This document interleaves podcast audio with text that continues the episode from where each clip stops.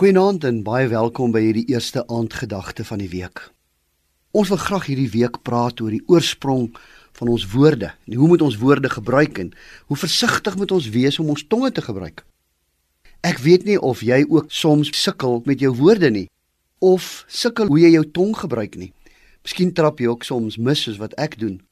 Miskien wens jy ook dat jy woorde kan terugtrek wat geuiter is. En dan kan jy nie.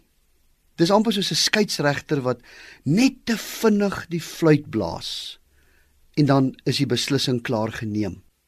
En ek dink nie ons besef die mag wat die tong het nie. Ek dink nie ons besef dat ons baie keer met ons woorde en met ons tonge sonde doen nie. Ons dink ons het reg om te sê wat ons wil soms. Ek kom agter in die omgewing waar ek is beleef 'n mens baie keer dat mense 'n vrye sê het. En baie keer maak ons ons sonde toe met 'n wit leentjie of 'n kragwoordjie. Die Bybel is baie uitgesproke oor woorde. In Lukas 6 vers 45 staan daar: Die goeie mens bring die goeie te voorskyn uit die oorvloed goeie dinge in sy hart. En die slegte mens bring die slegte te voorskyn uit die oorvloed slegte dinge waar die hart van vol is, loop die mond van oor.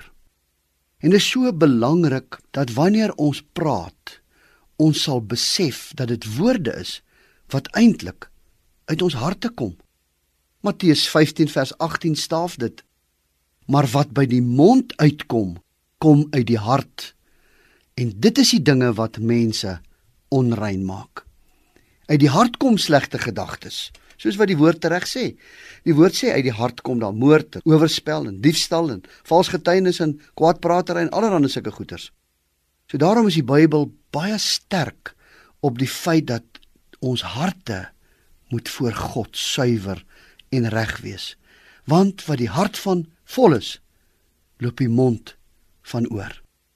My diepste gebed is dat jou hart so skoon en rein en reg voor die Here sal wees. Dat die woorde wat jy praat, dat dit die oorvloei sal wees van dit wat in jou hart is.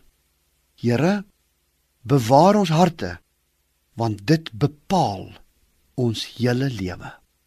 Amen.